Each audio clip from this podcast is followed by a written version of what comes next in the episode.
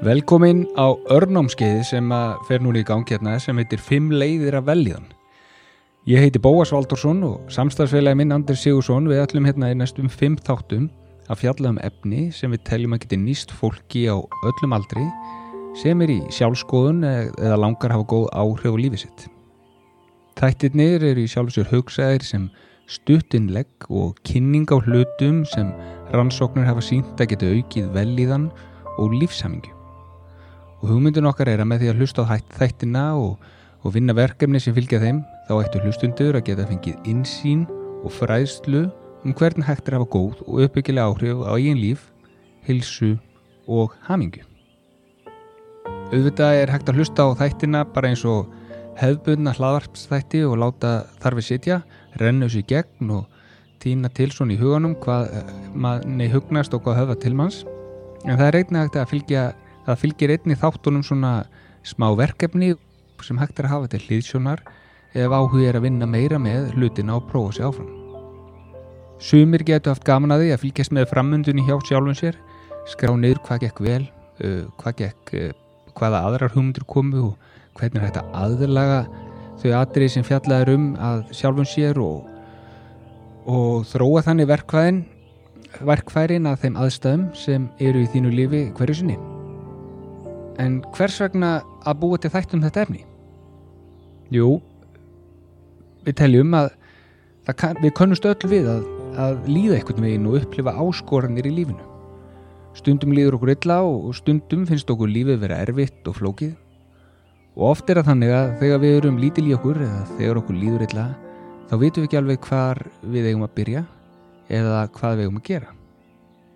Og í þessum þáttum þá veltum við veltum við við steinum og stingum upp á fimm sviðum fimm svona umfangsmiklum sviðum sem reynst hafa mörgum vel í því að ebla sjálfa sig og hafa góð áhrif á hlutina í kringum sig. Auðvitað er það þannig að það virkar ekki allar leiðir jafnvel fyrir alla. Þó að ég hafi fundið hvað virkar fyrir mig í mínu lífi, þá virkar það ekki eins auðvitað fyrir þig og öfugt. Við þurfum ofta að prófa okkur áfram og finna út hvað virkar best og þannig getum við smá saman með þólumæði og þrautsegu fundið þær leiðir sem hjálpa okkur að líða vel og ganga vel í lífnu. Lífið er ferðalag og þurfum stundum kort og leiðbynningar svo við náum að rata á áfangastað. Stundum þurfum að lappa upp langa brekku sem er erfitt og stundum er vond viður. Við getum þó ímist, gert ímislegt til að gera ferðalagið auðveldara og skemmtilara og í þessum fimm þáttum þá munum við stingu upp á leiðum sem nýst hafa mörgum. Efnið fimmlýðra velliðan byggir á fjölmörgum rannsóknum á lífi og lífstil fólks og hefur það sínt sig að þetta eru algjör líkilatri sem mikilvægt er að hafa í huga ef við viljum eflokkur, líða betur og upplega meiri, tilgang og hamingju í lífinu.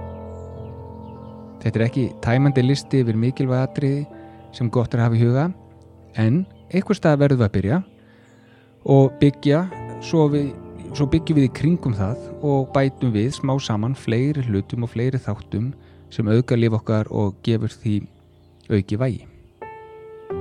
Í verkefnum sem fylgja með þáttunum gefst þér svo tækifæri á að bæta við góðum hugundum, komi ábendingar og byggja ofan efni þáttuna með því sem virkar best fyrir þig.